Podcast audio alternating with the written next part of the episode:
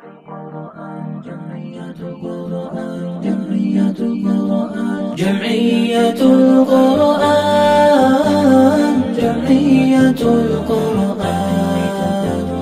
جمعية القرآن جمعية القرآن جمعية القرآن جمعية القرآن. Alhamdulillah Rabbil Alamin, wa salatu wa salamu ala Rasulillah. Doista svaka zahvala pripada našim gospodaru Allahu subhanahu wa ta'ala, salavat, mir i selam na Allahu poslanika Muhammeda alaihi salatu wa salam, njegovu porodcu, njegove časne asabe, njegovu porodcu i sve ljude koji slijede put istinu sudnjega dana. Braćo moja draga, evo nakon dvije sedmice pauze, vraćamo se ponovo u našem terminu četvrtak nakon jacije namaza, čitavonica, Prekinili smo čitanje knjige 40 hadisa imama Nevedija, komentar šeha Hajrudina i Osmana, da bi pročitali knjigu 30 savjeta za uspješan bračni život od šeha Sultana. Večeras, ako Bog da, inša Allah, završajemo ovu knjižicu na 77. stranici. Savjet koji se zove Ne dozvolite da se drugi upliču u porodičnu intimu. Pa da čujemo šta nam šeha Sultan kaže. Na način rješavanja problema unutar porodice uveliko utječe uplitanje drugih ljudi u porodičnu intimu, koja treba biti i ostati rezervirana za supružnike. Međutim, kada se ovaj princip zapostavi i supružnici svoje probleme započnu iznositi drugima, problem se time dodatno komplicira i raste, što za posljedicu ima pojavu mržnje i srđbe među supružnicima. Znači imamo jednu veoma čestu pojavu i ovo morate večeras ima dosta savjeta koji su ono baš praktični koji su nam svima potrebni. Ovo je jedna od e, možda najrasprostranjenijih stvari i grešaka u braku kod naših braća i sestara, mi koji imamo kontakte sa braćom i sestrama koji nas zovu, e, jeste i to da ljudi požure sa iznošenjem svojih problema u javnost. Kad kažem u javnost, znači da jednostavno iziđe iz okvira kući. Nekad je to majci, mislimo kad žena ispriča svojoj majci ili svome ocu, nekada muž ispriča svojoj majci, svome ocu, nekada su to prijatelji, nekada je to azreti Facebook, uglavnom e, da problem iziđe iz okvira kuće, to je nešto baš rasprostranjeno. Ljudi ne saburaju, ljudi ne žele da pokušaju riješiti problem dan, dva, tri i onda to ide u eter. Svakako, e, izlaskom problema iz kuće problem postaje mnogo kompliciraniji. Znači, dok je problem u umu, znači, u kući, mnogo ga je lakše riješiti. Ali kada čovjek, primjer radi, evo rećemo da je čovjek napravio neki grešku prema supruzi. Mnogo mu je lakše popraviti sebe kad zna, niko to ne zna. Nego kad on zna, sad Facebook o njemu priča kako on, evo primjer radi, možda udario suprugu. Što je neopravdano, ali mu je teži sad, kogo da sretni na ulici, da li onaj zna da sam ja udario ženu. I jednostavno onda je to problem, e, imamo dva problema. Mnogo teže riješiti. Pa znači osnova, ja sam o tome govorio kad smo govorili na onim predbračnim seminarima, dugo smo o tome govorili, osnova je da supružnici treba da pokušaju sami da riješi problem. U zadnjoj verziji dolazi da se neko upliče, a opet ćemo govoriti ko. Neko ko je kompetentan, neko ko zna i tako dalje. Ali generalno je pravilo ne treba požurivati. Vi danas imate slučajeve, noća se desio problem.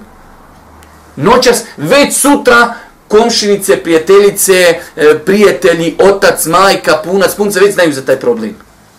Evo, desio, desila se nesuglasica među mužem i ženom. Posvadili se, kriva žena, kriv muž, nećemo o tome govoriti. Odmah je sutra, zovi mamu, imali smo učije problem. Nije to rješenje. Pa se čovjek treba paziti toga treba se paziti toga. Dobro, nastaviš da vidimo šta kaže. Druge osobe, kogod one bile, nisu upoznate sa detaljima problema. Čak i ako uspiju razumjeti situaciju, možda nisu u stanju da pronađu adekvatno rješenje za nju. Jer svaka osoba pa i poročna zajednica nosi svoje specifičnosti. Ovo je bitno. Mi smo kazali nekom je problem. On će svakako po nekoj inerciji pokuša da nam dati neko rješenje. Ali taj insan nema dovoljno informacija. On jednostavno, e, mi smo desio se problem i on gleda na nekoga koji je napravio problem kroz tu tačku. Primjer radi, desio se problem i žena je nazvala svoju majku. Kazala joj za problem. Ona tvog svog zeta gleda kroz tu prizmu greške. Nema potpun predstavu, potpunu predstavu šta se sve desilo. Kakav je inače taj muž? Da li uvijek to tako radi, ne radi i tako dalje? Dok ta supruga prema kojoj se napravila greška, ona zna te okolnosti. Pa insan koji bude davao rješenje, neminovno će dati pogrešno rješenje. Mi ćemo vidjeti poslije, ako moramo upetljati treću osobu, onda se ta treća osoba upetlja i na obostrano zadovoljstvo. Muž i žena kažu, zadovoljni smo da dođe taj i taj, da sjedni, aha, pričaj ženo. Žena priča, muž šuti. Jesi završila? Jesam. De ti pričaj. Ovako žena je nazvala svoju majku i ispričala joj verziju. I ona joj je ponudila rješenje. Nismo čuli drugu stranu. Pa znači, to je jedan od problema jedan od problema koji nastaje kada se prerano iznesu problemi iz porodci. Dalje. Može se desiti da zbog njihovog neznanja i nestručnosti u ovakvim prilikama dođe do eskalacije problema i njegovog širenja i prenošenja drugima, zbog čega iznalaženje rješenja postaje gotovo nemoguće nakon što se pretvorio u temu rodbinskih sjela. E, ovo je ono što sam rekao. Znači, e, žena je nazvala svoju majku, majka kazala ocu ili puncu, oni kazali rodbini i sutra sva rodbina priča o tome. Jednostavno tom nekom koji napravio grešku, evo da kažem on hoće se popravi, mnogo mu je teži za u islamu i je došlo ako hoćeš nekoga savjetovati, kako ga savjetuješ? Ne savjetuješ ga javno. Uzmeš brata za ruku, kažeš brate Allah te nagradio, to nije dobro. Mnogo mu je teže kad mu ti sad pred 50 ljudi kažeš brate, aloba ne sjedi se tako.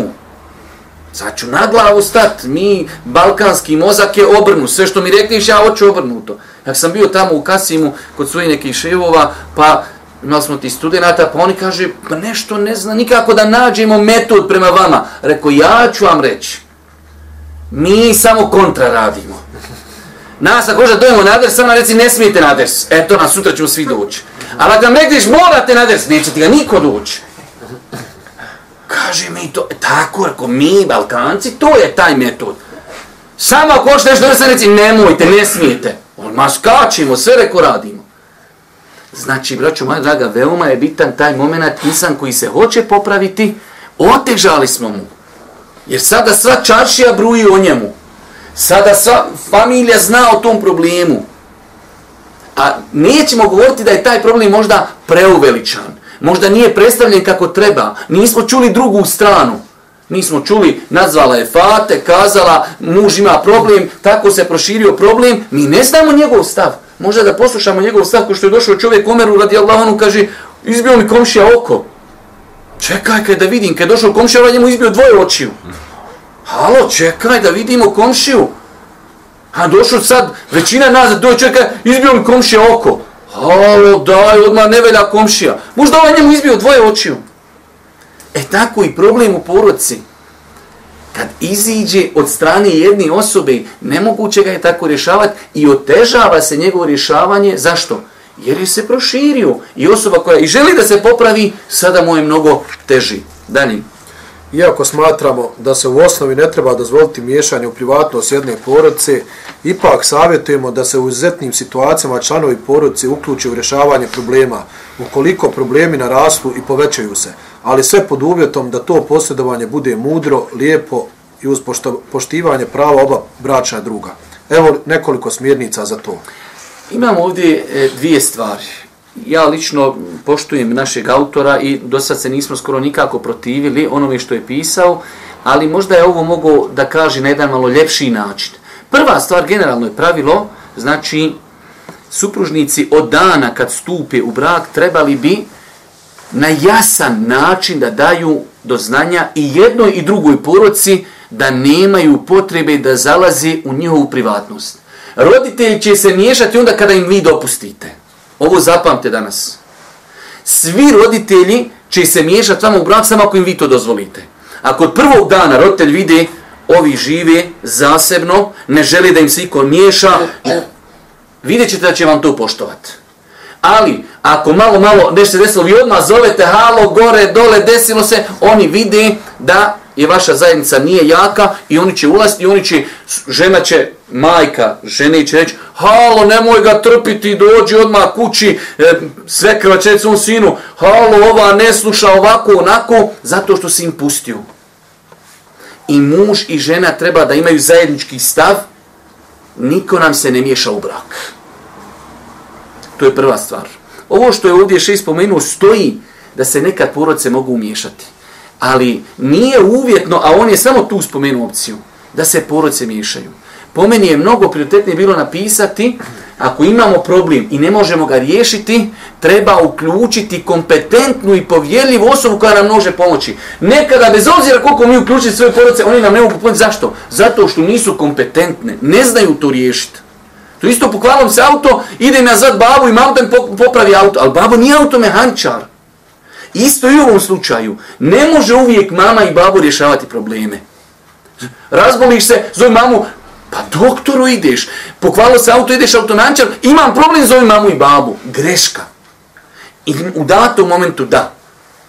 Da se desi, primjer radi, muž istu kao ženu, nema ko da stane iza nje, ona nazove babu, kaže, slušaj, Boga mi, svojim se ne dođe babu i kaže, halo, dečki, slom ćemo te drugi put uradiš. I to je već, ima mjesta da se nazove babo. Ali neke poručne probleme ne može ti pomoći babu zato što i on ne zna riješiti. A še je išao u tom pravcu, e, znači generalno gledalo je na problem e, dopuštanje drugim porodcama da se umiješaju u našu porodcu. Ali generalno pravilo znači, ako imamo problem, i nismo ga uspjeli riješiti, onda se traga za osobom koja je kompetentna i povjerljiva.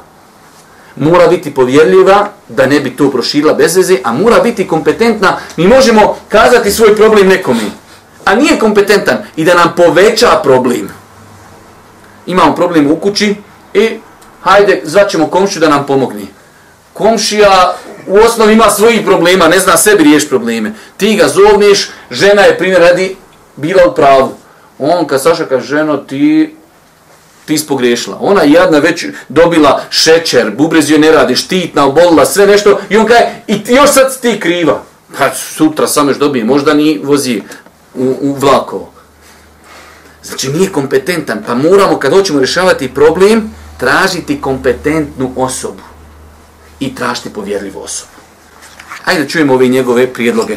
Savjetujemo mužu da suprugu, ukoliko kod nje primijeti nemarnost u izvršavanju obaveza, lijepo posavjetuje da bude strpljiv u nastojanju da ona shvati svoje greške. Tek ako bi supruga odbila da sagleda problem, tada muž o tome treba obavijesti njenog oca ili stariju braću za koje smata da su razumne i mudre osobe. Znači u ovom smislu da žena bude nepokorna mužu, normalno da najviše na nju može utjecati njen otac ili njena braća, pa čovjek pokušao, ženo nemoj tako, ženo nemoj tako, ženo nemoj tako, normalno da neko ko ima najviši uca na nju, jes njen roditelj nas zove i kaže, volio bi da dođete, da pokušamo riješiti problem, jednostavno žena je nepokorna i tako dalje. To svakako stoji. Dalje. Yes. Savjetujemo i supruzi da bude strpljiva sa mužem i da nastoji da pozitivno utječe na njega. Pa tek u slučaju da se situacija pogorša i prijeđe granicu tolerantnosti, neka obavijesti svoju porodcu, na primjer svoga oca, brata, brata ili slično, kako se problem ne bi rasplomsao. To je to. Generalno imamo ovu zlatnu poslovicu i njegove završitke. Nije rješenje u bježanju od problema.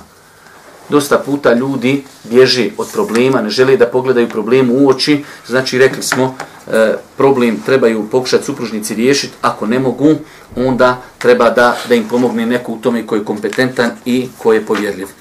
Briga o zdravlju, to pomeni, zaista sam danas čitao ovu stvar, jedini savjet ćemo ovaj preskočiti, briga o zdravlju porodci, lijepa stvar, definitivno, ali ne u, sa, u, u smislu koliko je to bitno kao savjet za bračnu sreću. Jer ova knjiga nosi 30 savjeta za uspješan bračni život, sreća, uspjeh, zdravlje porodice definitivno je bitna stvar, ali po meni malo ne u ovom kontekstu. Uspostaviti saradnju kroz međusobno potpomaganje. Ovo je onako lijepa stvar, pa da čujemo šta nam kaže. Kada čitamo knjige iz životopisa vjerovjesnika sallallahu alejhi ve sellem, nailazimo na fantastične primjere praktične primjene međusobnog potpomaganja u njegovom poročnom životu.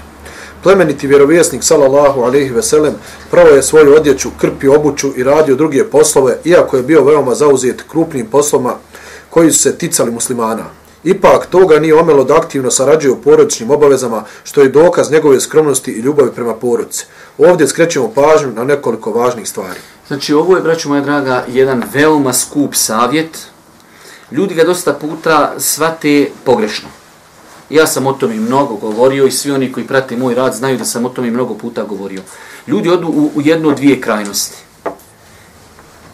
Znači, ovdje se govori o međusobnom potpomaganju.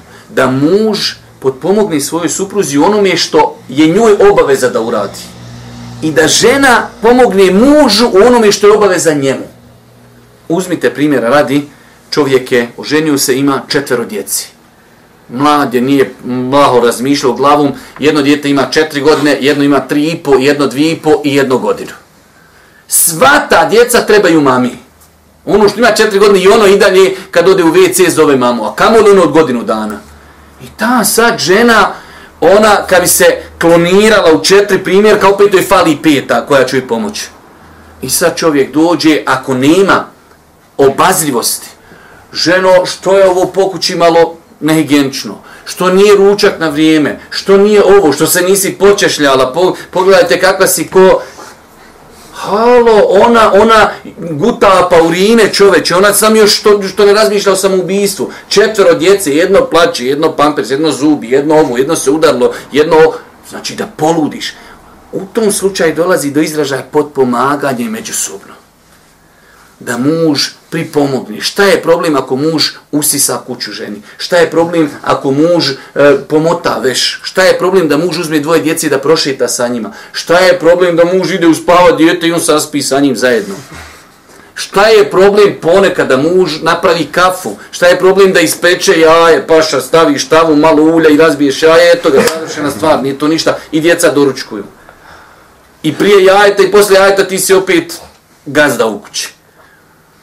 Isto tako, muž ušao u neko poslovanje, zauzet, problemi, zdravstvo, e, stan, mnogo problema, tu žena treba da prepozna situaciju da mu pomogne u nekim pitanjima koja bi u osnovi treba onda riješi. Pa rećemo primjera radi, o tom će še i poslije govoriti. Muž ima neke materijalne obaveze koje ne može izmiriti, jednostavno pokuša, ali ne može. A žena ima svog nekog imetka, ženi nije obaveza. Došla je, prvi došao, treba plat kiriju, ne može čovjek se rastegnuo, imao problem s autom, platio djetu školu, ovo ono, a žena ima svog nekog imetka. Tu treba da dođe do neke tolerant, kaže, evo ti mog imetka, plati kiriju, mi smo porodica, živimo za... Nije joj to obaveza, ko što nije njemu bila obaveza da usisa kuću, ali zbog harmonije, podpomaganje, u osnovi na kraju to je sunet Božih poslanika, ali se verso se nam.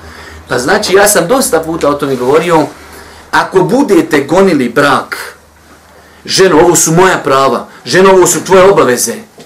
I ne bude ni malo tolerancije, vjerujte da će tu biti, da će tu, neće biti sreće i zadovoljstva. Mora biti tolerancije. Vidjeli ste nekad kad te zaustavi policajac, ti si napravio preč, to ovo mi govorimo za Bosnu, za Evropu, gore ne važi. Pa očekuješ ti od nje, pa dobro, evo, neću više svijezat ću sad pojas. Drago ti kad ti nešto toleriši, jel tako? Napravio što ako se budemo gonili mak na konac paša, ti ćeš tu platu dati za, za, za kazne. Ali malo tolerancije. Pa dobro, imaš, mene jednom policajac ufatio, ja, žena i petero djece u autu Golf dvojka. Prvo ima nas troje viška. Žena naprijed sjedi s djetetom. Ugašena svjetla. Istekla registracija. Nismo svezani. Kaže, hađe, moram nešto ti napisat. Moram da napišem svjetla, pa, ba, pa, piši, poljuču te deset puta, čoveče. Mogu mi oduzeti voza, mogu me istira, mogu mi auto odvuš na auto otpa, čoveče. Kaj moramo napisat makar svjetla? Ma, piši da te Allah nagradi, čoveče. E, tolerancija, tako i u braku. Znači, ako budemo, što je on meni, da je on meni napisao sedam ti kazni, pa šta bi prodao auto, bi hodao pješke ko beduljini na deviše, ne bi ni hodao na auto. Pa nema teorije čoveče. E, znači mala tole, isto tako u braku. Ženo, obaveza ti je da mi skuvaš kafu. Pa bolesna. Ženo, ručak, hoću da jedim. Pa ješa, dvije marke, odeš u gold, kupiš sandvič, pojdeš i završena stvar. Znači, mora biti tolerancije u braku. Ako ne bude tolerancije, onda će tu stvari biti, znači, poprilično poteške. Da vidimo savjete nekoliko. Pa evo, pod jedan. Lijepo je da muž i žena sarađuju i pomažu jedno drugom u kućnim poslovima. Nije sramota da muž napravi kahvu ili čaj i da opere svoju odjeću ili pospremi spavaču sobu. Pružanje pomoći porodici i ovom segmentu jedna, jedna je od najljepših osobina, a ne doka slabosti ili nedostatka muškosti, kao što to u nekim sredinama ljudi smatraju. Ovo sam ja htio da kažem, pa sam ostao nedorečen. Nekada ljudi odu u jednu, dvije krajnosti. Smatraju da je to sramota, smatraju da je to neko papučarstvo, smatraju da je to neki problem. Ako jednom operim, gotovo, žena je bezobrazna, ona će non stop da tražiti.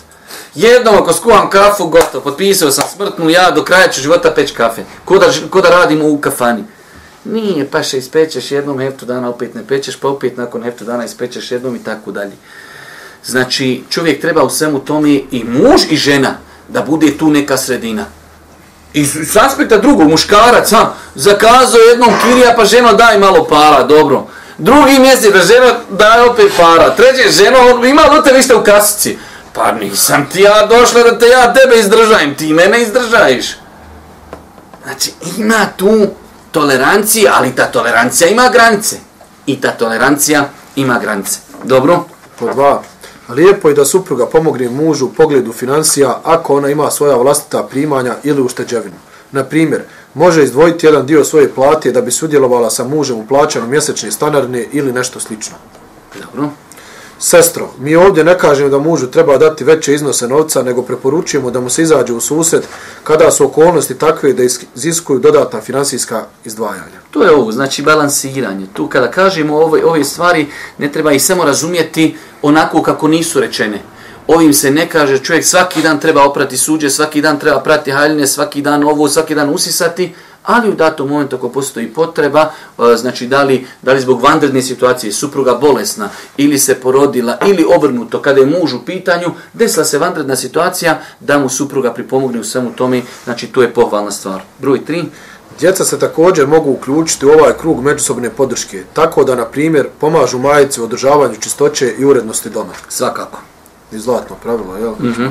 Saradnja i podpomaganje među članovima porodice doprinose jačanju ljubavi i porodičnih veza. Pa ste vidjeli? Saradnja i podpomaganje među članovima porodice doprinose jačanju ljubavi i porodičnih veza. Je li isto da imate žena bolesna, četvero djece oko nje raščupaše je, ko da se češlja petardama i dođe muž, nagne se i kaže kafu, Halo, čoveče, ne znam gdje glavu udaram. Ženo, obaveza je da mi spremiš kafu. Je li razlika došao muž vidi da žena ne zna gdje glavu udara, idem nam ja ženo pripremiti kafu. Koji od ova dva metoda, vjerujte da imate ovi koji se nagnu u nazid i samo kaže ženu ponesi kafu. Koji od ove dvije metode će polučiti ljubav, harmoniju i tako dalje? Isto tako, kada žena vidi svog muža nasekiranog, bolesnog, u nekim problemima, došao muž s posla, djeco, hajmo u sobu, ja će s vama nečim zaigrati, upalit ćemo neki crtić, nek babo odspava sat vremena. Ili babo malo lego na seću, na njega dijete skoči, baci loptu, udari ga šćapom, probudi se nikakav, šta ho? Prvo što će pogledat ženu, ženu, pa halo, tek sam zaspao čoveč, Ikš, normalno će doći do svađe. Ali kad ima tolerancije, onda su sve stvari drugačije. Dobro, idemo dalje. Iznalaženje alternativnih rješenja. Dobro.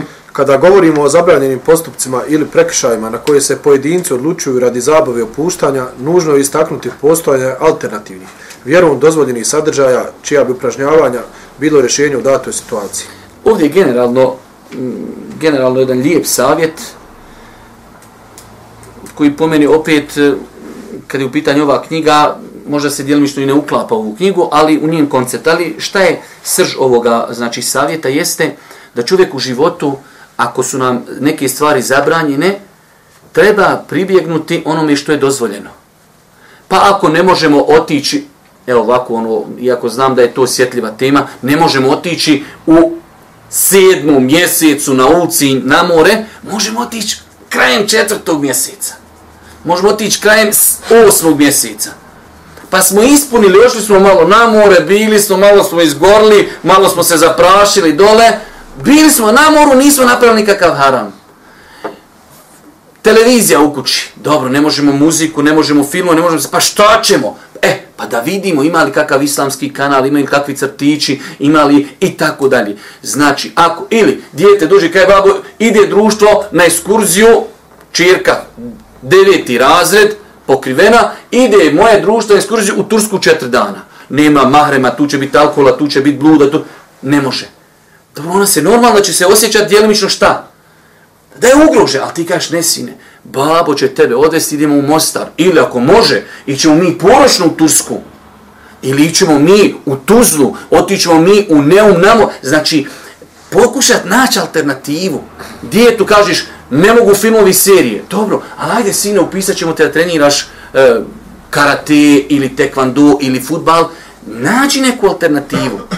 Pojenta ovog cijelog, znači, e, prijedloga jeste, ako nešto uskratimo svojoj poroci, nemoj da samo ostane, ne može ok, imamo problem, e, ne možemo možda otići ovdje u neki e, supermarket ili ovo ili ono, ima muzike, ima alkohola, ok, možemo mi kao porodca otići na igman, možemo se opustiti, možemo roštiljati, možemo se poigrati i tako dalje. Pojenta generalno znači jednostavno zamislite to svoje neku dijete ili svoju neku suprugu. Ne može ovo, ne može ovo, ne može ovo i stop. Dobro, ako ne može šta? Ako ne može, daj da nađemo alternativu ljeto, vruće, ne, može, ne možemo na rijeku otići. Pa dobro, ima neki zatvoreni bazin. Možemo li otići negdje gdje nas niko ne vidi? Da pokušaj, i vjerujte, ja sam lično dubokog ubjećenja, da ne postoji stvar koja je zabranjena, a da za nju nema alternativa. Samo je pitanje koliko mi hoćemo i koliko se trudimo. Koliko nam je stalo do naše porodici. Sve stvari koje su zabranjene, mi ćemo naći alternativu u granicama. Če, neko kaže alkohol zabran, pa evo ti brate, zemzema i pi koliko možeš. Pa nije zemzem i ovo, pa ne može, ali je alternativa.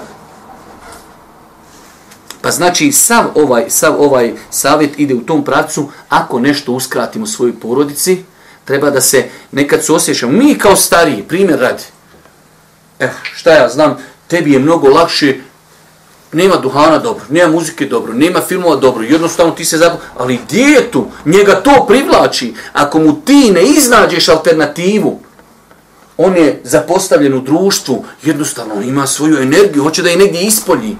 Pa onda insan treba, znači, kad je u pitanju porodca, ako je nešto uskratio u porodci, da im ponudi alternative. Hajde, e, ovu prvu nam pročitaj. Alternativa gledanju televizijskih kanala na kojima se emitiraju vjerom zabranjeni sadržaji jesu televizijski kanali na kojima se emitiraju vjerom dozvoljeni, korisni i inspirativni sadržaji.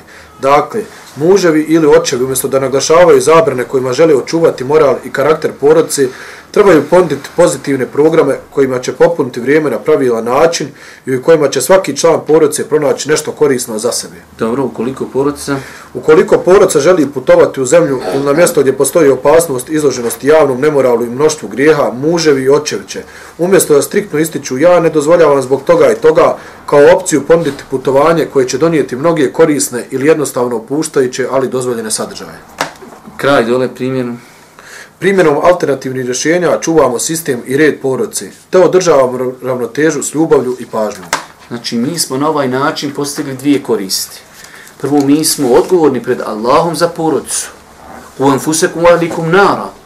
Pa moramo mi nešto uskratiti. Znači, pazite, imate ljudi koji, e, ja sam protiv toga, apsolutno, dijete, kupi mu mobitel, daj mu laptop, nek sjedi u svojoj sobi, nek radi šta hoće pa vidiš djete objavilo nešto što nije, ne znam, ne. N nama je vjerska obavez da pratimo. U tom momentu onda će doći da ćemo nešto djeci morati uskrat zato što je to zabrajno.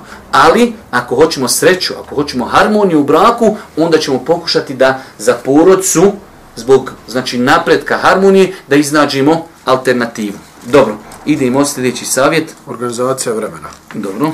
Uspješno organizirano vrijeme je ispravno organizirano vrijeme. Ovo je također vrlo bitan faktor sretnog poručnog života. Evo nekoliko praktičnih savjeta. Pod jedan, korištenje mobitela u krugu porodice podrazumijeva da tvoje vrijeme nije posvećeno porodice. Da, ti si fizički prisutan, ali tvoje srce i misli su uz mobitel i društvene mreže. Zar te na ovaj način djeca i supruga mogu doživjeti kao odgajatelja i čuvara svojih osjećanja? Preče bi bilo da uzmiješ školske torbe svoje djece i pregledaš svetske učbenike, da vidiš šta trebaju rad za domaću zadaću i koje su nastavne sadržaje obradili.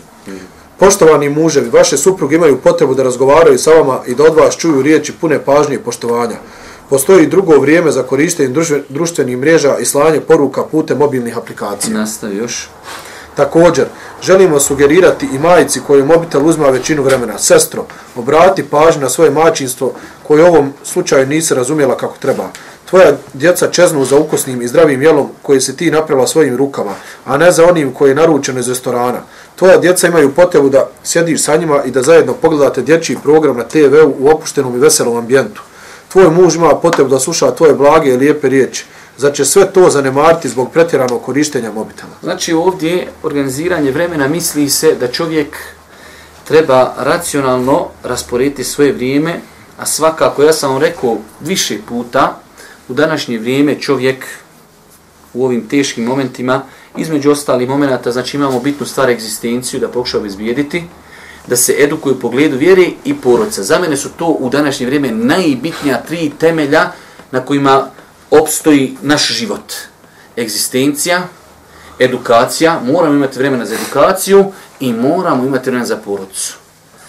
I vi vjerujte, vjerujem da svi imamo sa tim problem, neko manje, neko više.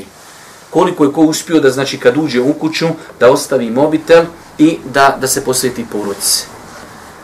E, mi smo spremni čitati tuđe komentare, biti u stotinama nekih grupa, e, odgovarati ljudima, a nismo spremni posvetiti vrijeme onima za koji ćemo biti pitani, oni, onima koji očekuju od nas.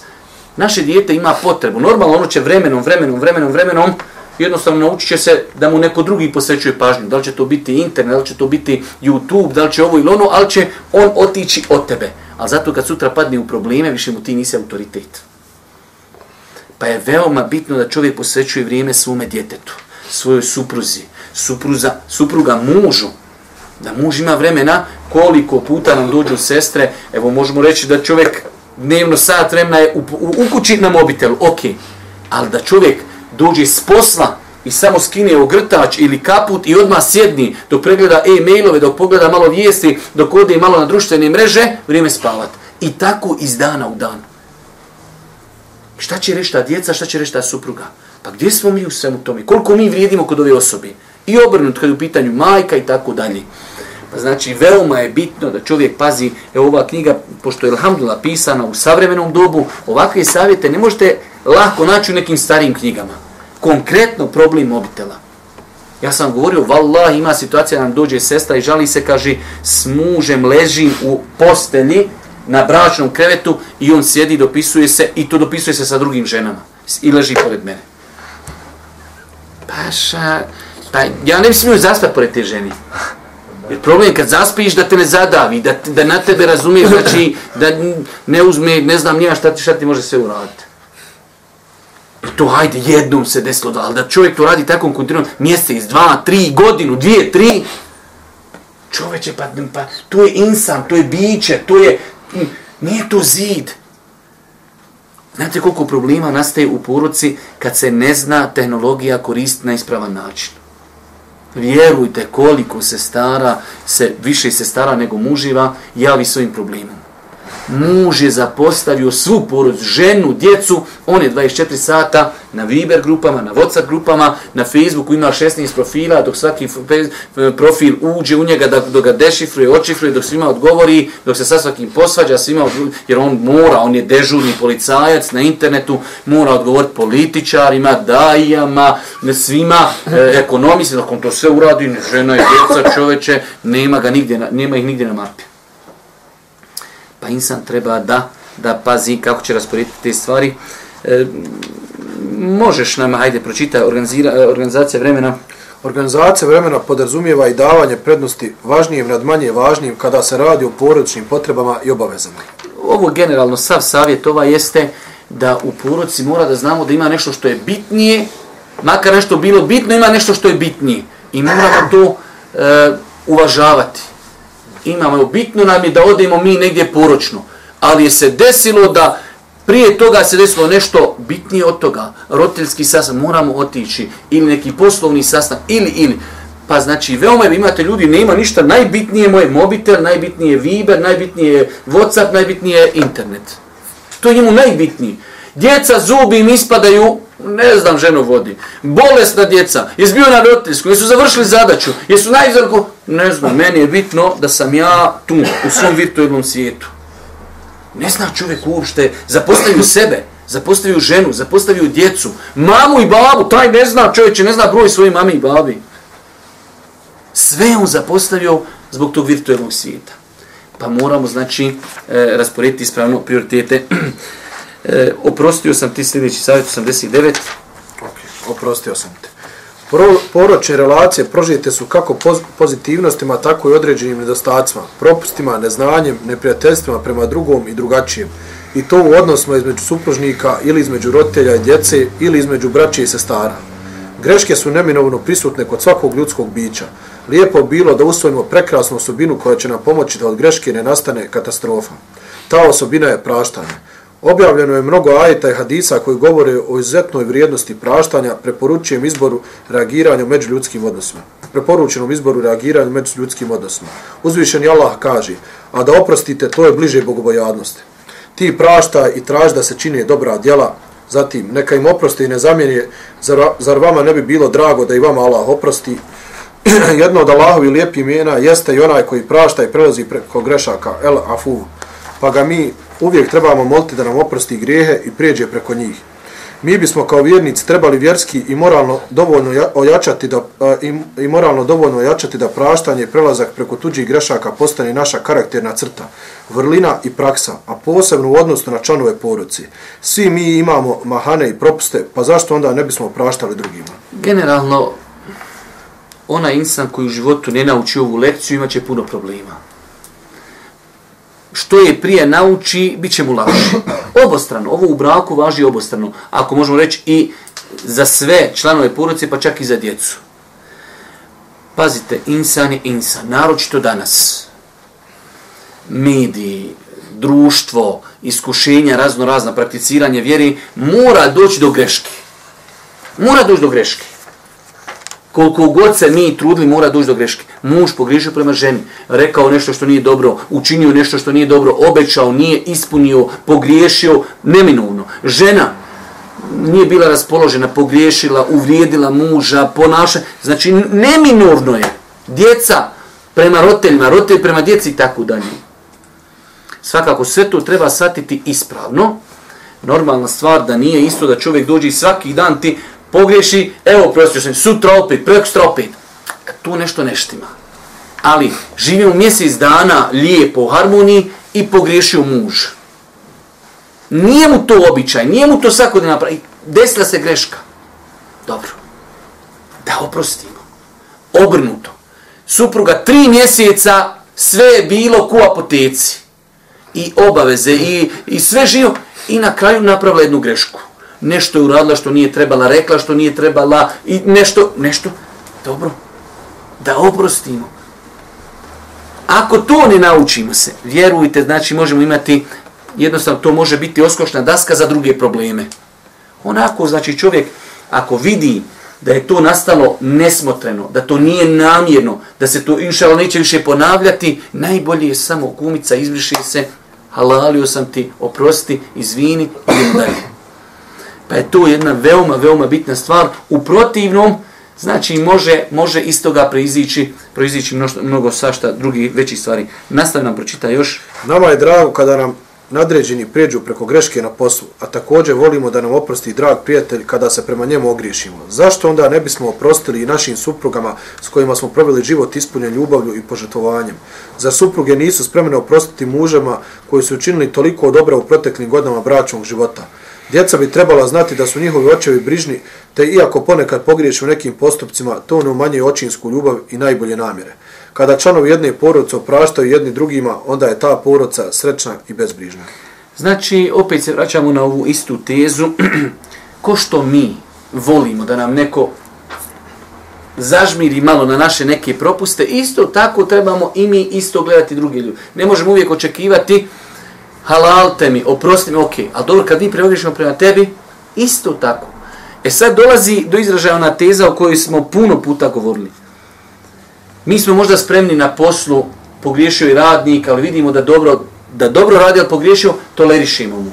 Prijatelje imamo pogriješio, tolerišimo mu. Ali taj prijatelj naš nije nama u životu učinio jedan posto koliko nam je učinila naša poroca. Mi smo njemu spremni tolerisati. Pa izvini, neću, okej. Okay. Žena napravi grešku, tri mjeseca je sve bilo ok, i hrana, i odjeća, i ambijent, i djeca, bez zamjerke, i greška.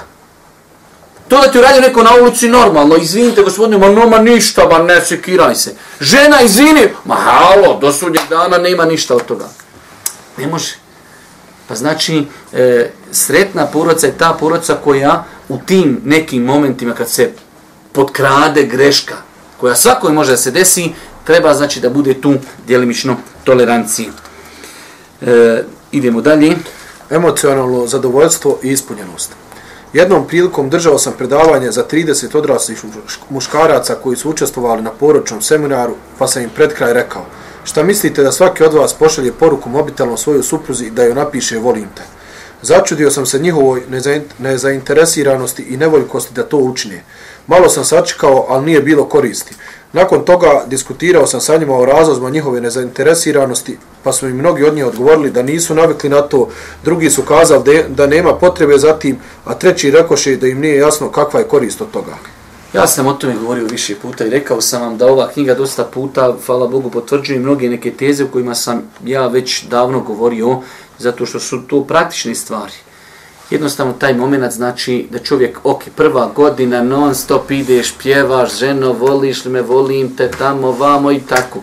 Ha, druga godina svaki treći dan, treća godina jednom hertično, četvrta godina u braku, hm, u po godine jednom se zezniš kad, kad onaj, u nekim vadnicima ženo volim te i to je to. Već peta godina, šta joj imam govor, živimo, gotovo, rodila se djeca, to je to, duvar ona, duvar ja i to je to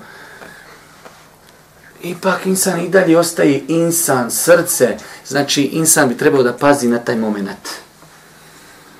Svakako da to vodi do, do, do, jedne, do jednog zahlađenja. I onda čovjek bukvalno doživlja uroc isto firmu. Vjerujte da je tako. Znate koliko puta imamo mi problema da nam se javi osobe i sport kaže jednostavno mi živimo u poroci ono ko poslovno ustajemo, popijemo zajedno kafu, muž ode, ja ode, dođe on, vidimo se, bye bye, Jesse, evo me, i to je to. Nema tu, tu se izgubila harmon, izgubila sreća, izgubila zadovolj, izgubila se ljubav. Pa tu ljubav, ja sam to malo nekad e, šaljivo govorio, treba malo abdi, treba malo osježavati. Pogledajte čovjeka, je 30 ljudi, što ćemo, kao šta je problem, ne, ne, ne razumijem šta, š, zašto to da uradim. Pa znači da, da čovjek pokuša održavati u svojoj porodici e, taj ambijent, znači emocije, ljubav i tako dalje. Da vidimo šta će još kazati. Okay. Ovo su najjednostavnije prikazani simptomi emocionalne hladnoće, načina života mnogih muškaraca koji toga nisu ni svjesni. Mnoga istraživanja ukazuju na to da postoji problem uskraćivanja emocija unutar porodca na svim nivoima odnosa i da je do rušenja porodce dove upravo nedostatak iskazivanja emocija. Postoji mnogobojna kazivanja o moralnom zastranjivanju bračnih partnera upravo iz tog razloga. Naše su emocije u stvari skup osjećanja koja su sastavni dio nas samih i ta osjećanja treba hraniti i njegovati kako bi živjela i razvijala se. Ukoliko se to zapostavi, tada će partneri doći u opasnost da emocionalno izgladnjeli traže zadovoljenje ove potrebe na zabranjen, to jest haram način. Ili će trpjeti preko svojih mogućnosti i ispijati gorčinu iz čaše brige i boli, sve dok ne dođe neko olakšanje od Allaha. Znači, pazite, zamislite čovjek, ne daj Bože, u, u braku je pet godina i došlo je do tog zahlađenja. I sad se u tom nekom momentu na neki zabraj način pojavi neko ko će nekome to nadomjestiti. Evo uzmimo muža ili ženu, bez obzira. Muž je osjetio da je njegova supruga pre njemu ohlala, rodila jedno dijete, dvoje, ona nije ni do čega. Njemu se javi neko ko će mu to nadomjestiti putem šeitana, putem Whatsappa. Njemu, njemu neko iznova kaj volim te, zaljubio se u tebe. Halo, gotovo, taj čovjek ode ko sihr je to njemu. Jer mu to nedostaje. Isto toj ženi, obrnuto. Da imate muža da je malo zahladniju. Ili zahladnju malo viši. Treba ga gore poslati kod eskima. I to je neko ženi neko na neki način počne iskazivati emocije. Svakako da su to velika vrata. Sam imao jedne prilike, ne volim o tome pričati, ali jedna osoba se na, na, nazvala me kontakt tako nezadovoljna sa svojim mužem e, u pogledu intimi. Pa sam ja pošao neke ko prijedloge, ko alternative, ja, ja znam da to nije dobro, ali eto malo do... Žena mi kaže, kaže halo, treba mi čovjek, vola, nemoj više da se više varamo. Kratko, jasno, treba mi muškarac. Možemo sve nešto, ali gotova stvar. Tako i u ovom slučaju. Zamislite ženu koja nije od čovjeka čula tri godine da je voli. A možda je čula da je krava, da je ovo, da je ono, da je vaka, da je nakva. I sad dođe neko preko Whatsappa i počne se njoj dodvoravati. Jesi lijepa, kako si ovo, ja te volim. Pa normalna stvar da će otići. Normalna stvar.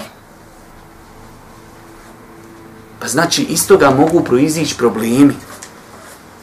Zato što vidiš da kako kako je to čovjek lijepo pojasnio. Jednostavno, to je nešto u nama što treba eh, e, raniti, što treba njegovati.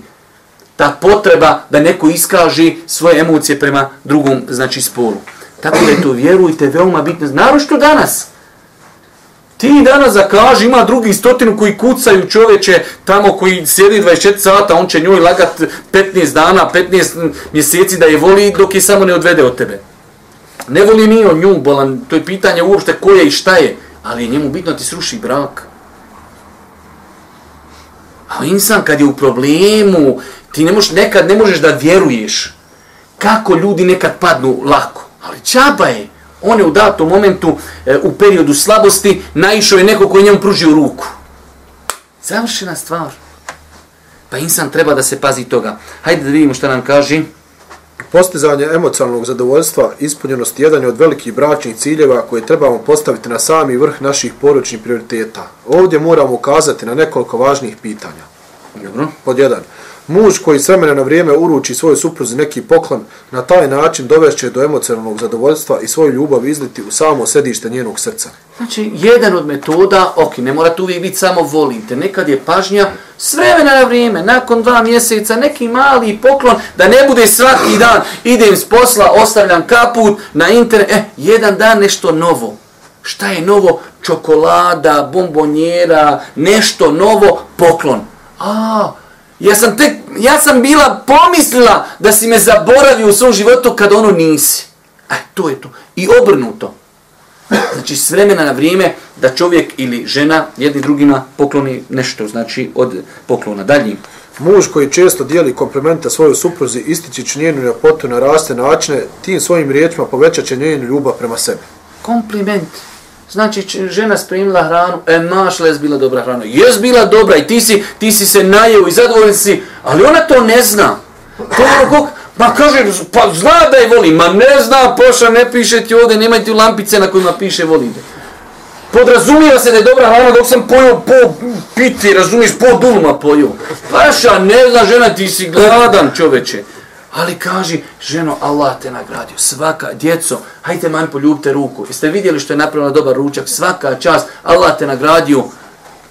To je Allah, evo sad, zamisli. Bio je ručak, pojio si paša po piti, uh, eh, podrignuo se, lego i ništa. Šta će žena? A dođeš, pojio si pola pite, kaj, eh, Elhamdulillah, zahvališ se Allahu, nakon toga je, žena, svaka čast, Allah te nagradio, sutra će ti donijeti neki poklon, zaslužuješ s... Paše, sutra će ti tri pite napraviti. Sam da ju taj govor opet kažeš koliko to ostavlja pozitivnog traga na insana. Dalje. Supruga koja zagrli i poljubi svog muža dok se ujutro priprema da izađe iz kuće na posao, usred će ga i dati mu dovoljnu dozu osjećavanja ljubavi, što će mu biti zamjena za mnoge druge vrste poželjnih emocija. No komentar Mirza. Imate ljudi, znači ako čovjek nauči, izlazi iz kuće, žena ga zagrli i poljubi. Pa taj bi, taj bi non stop išao ko poštar izlazi iz kuće. Non stop, sam da ga žena zagrli i poljubi. Ali govorimo mi o osjećajima. Ovdje govorimo o osjećajima. Dalje. Supruga koja ističe svoju ženstvenost pred mužem na način koji će izazvati još veću ljubav među njima, čini ono što će njegovu ljubav prema njoj duboko usati u samu srž njegove duše i srca. Dobro. Djeca imaju potrebu da im se upućuju riječi pune ljubavi i razumijevanja. Zatim, kada otac poljubi svoju djecu pred spavanje i uputi za njih lijepe dove, njihove duše ispunit će se velikim, velikom ljubavlju prema ocu. Znači, ovi, e, kad govorimo o emocijama, ne misli se samo, misli se prvenstveno na rote, def, e, na, misli se na muža i ženu, ali isto tako i djeca. Imate, znači, roditelja koji su zaboravili šta znači emotivan govor sa svojom djecom. Da poljubi svoje dijete, da se sa njim našali, da prouči za njega dovu, da ga podstakne, da ga bodri, e mašala, svaka čast, stvarno si danas mašala i tako, uradio si nešto dobro i tako dalje. Znači, te stvari jačaju, jačaju bračnu vezu. I posljednja, ako imaš čerku koja je navršila 15 godina, uzme je za ruku i odvede na neko lijepo mjesto gdje ćete večerat zajedno i gdje ćeš moći sa njom na pisan način razgovarati o njenim ambicijama te saslušati njene želje. Jedan ovakav izlazak ispunće njeno srce ljubavlju prema ocu i ojačati njenu emocionalnu stabilnost i smirenost. Ovo je jedan primjer, a može se tu rat na razno razne druge načine.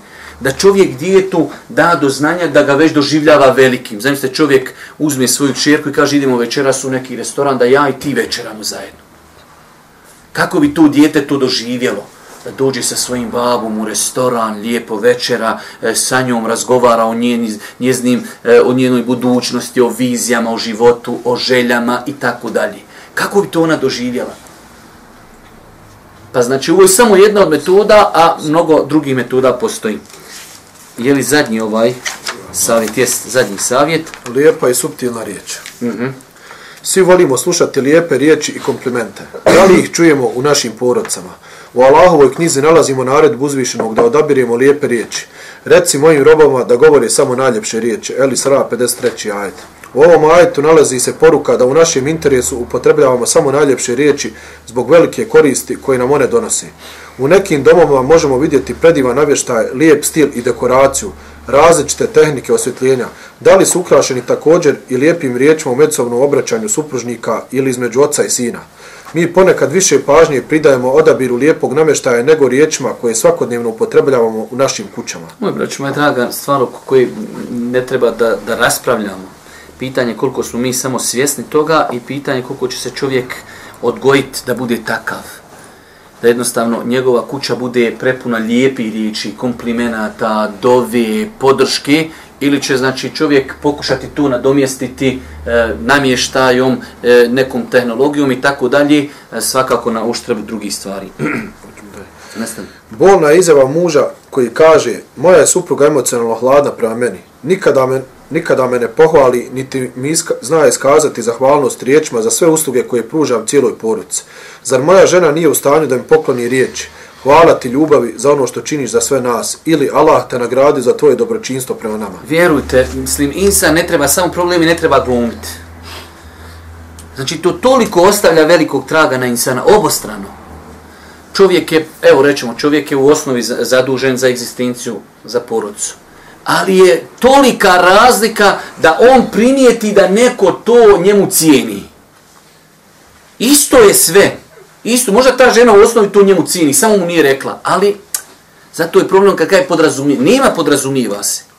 Je li problem da žena, nakon što je muž došao, ili možda odveo ženu i djecu negdje u park, ili odveo na večeru, ili kupio mjesečnu podmiru, ili odveo djeci kupio nešto što im treba na početku školske godine, ili, ili, pa da mu kaže i žena i djeca, Allah te nagradio, zaista nas paziš, koliko truda ulazi, ulažiš radi nas, to je čovjeku daje mu elana, daje mu e, morala da nastavi, da ustraje, jer vidi da mu to neko cijeni. Neko dovi za njega, neko mu to priznaje, neko mu to cijeni. Nije mu to, normalno će se to i prije toga reflektovat kroz vid zahvalnosti praktično.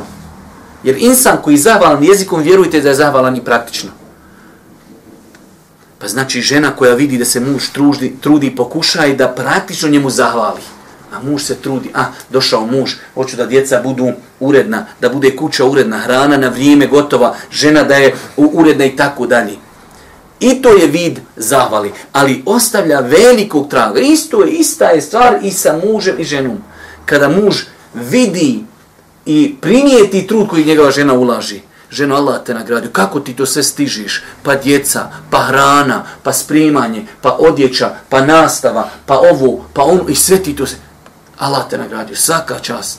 Znači, puno to, puno to znači. Dalje. Jednako je bolna izjava žene koja kaže, toliko želim da čujem svoga muža kako mi kaže volim te, ali to mi je uskraćeno, dok ga konstantno slušam kako lijepo i prijatno razgovara sa svojim prijateljima. Tada u sebi kažem da sam Bog da ja njegov prijatelj, pa da se na isti način i sa mnom šali i lijepo razgovara. Pogledaj, ovo, ovo je Allah mi stvarnost. Znači da čujete čovjeka kad nekog nazove, svi mi to radimo, nazovete, brate, Allah te nagradio, Allah dao svako dobro, mašala, mašala, Allah te, a, znaš, slušalcu jedno ono, gasiš i ne, to, to više nestaje. A to je najprioritetnije da bude u kući. Taj brat možda uradio ti neku uslugu, evo rećemo čovjek ti je, nešto si ga nazvao, de molim te otiđi, plati, nešto završi, završio. Brate, Allah te nagradio, ako Bog da ovo, ono, lijepe riječi, blage. Žena koja je radila kod taj brat samo u jednom danu stotinu puta. Ništa. I šta će me požena ma do je meni biti tamo s druge strane, pa da i ja čujem te njegove lijepe riječi, da čujem njegove komplimente kad uđeš u opštinu, kako ste, jeste, da li se umorili, pa de meni reci, jesam se umorio, Allah, ovaj ojper, pogledaj me čitav život. Pa je znači veoma bitno, veoma bitno da obostrano, zato šeh ovdje zaista ga Allah nagradi, znači obostrano navodi primjere e, muža, navodi primjere ženi.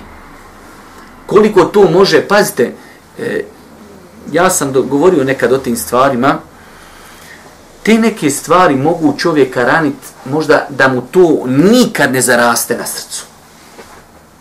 Živi čovjek s tobom u braku ili žena sa, sa mužem, ona ima, ona ima ranu na srcu, ali neće da mu kaže. Čitav život ona osjeća tu, tu bol. Zbog, neč, zbog nekakvog postupka. Tako da insan treba da pazi na ti stvari. Dalje. Teško nam je kada čujemo djecu koja se žele i govori. Zašto od svoga oca ne slušamo riječi pohvali, moralne podrške i ohrabrenja? Kada će naš otac prestati sa psovkama i proklinanjem? Zar nemamo pravo da od njega ponekad čujemo lijepe riječi? Zaista je to što se dešava u našim porodcama katastrofa ogromnih razmjera.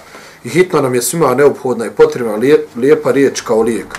Stvar je potpuno jednostavna i lahka i nema potrebe za dodatnim izučavanjem i iščitavanjem. Potrebno je jedino imati dobru volju te spoznati koliki utjecaj ima riznica ovih savjeta na kvalitetu i ljepotu poročnog života. Mm -hmm. Praktič, praktični savjet. Pod jedan. Ako želiš da supruga svoje srce ispuni ljubavlju prema tebi, pohvali njen lijep izgled i odabir njene odjeće.